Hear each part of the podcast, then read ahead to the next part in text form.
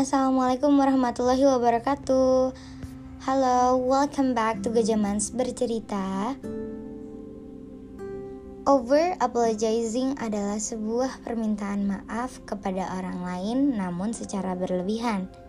Nah, ini bisa menimbulkan dampak yang cukup besar bagi diri kita sendiri dan juga orang di sekitar kita kita pastinya udah diajarin untuk meminta maaf jika melakukan sebuah kesalahan.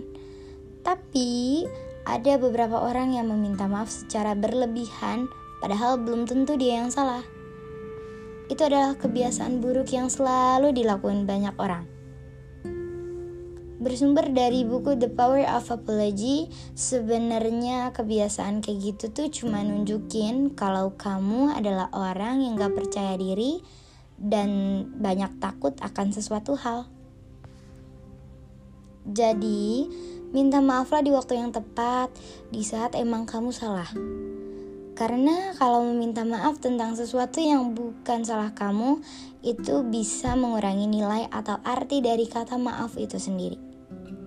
Dampak over apologizing kepada diri sendiri salah satunya adalah bisa menyebabkan timbulnya pikiran yang berlebih atau sering biasa disebut overthinking yang dapat mengakibatkan stres. Terus juga tanpa disadari nih, kamu akan jadi orang yang gampang ketakutan. Terus ngerasa harus nge-please orang lain. Ingat ya, kalau kamu melakukan kesalahan, it's okay. Cause you're not being always perfect kalau ada sesuatu yang berjalan gak sesuai sama keinginan kita ya gak apa-apa. Jangan menyalahkan diri sendiri terus-menerus. Karena manusia itu adalah tempat yang salah. Crying and showing emotions.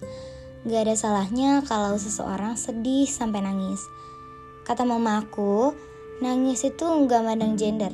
Mau yang nangis itu perempuan atau laki-laki, ya gak apa-apa karena dengan seseorang menangis itu adalah cara mereka menunjukkan emosi yang mereka alami.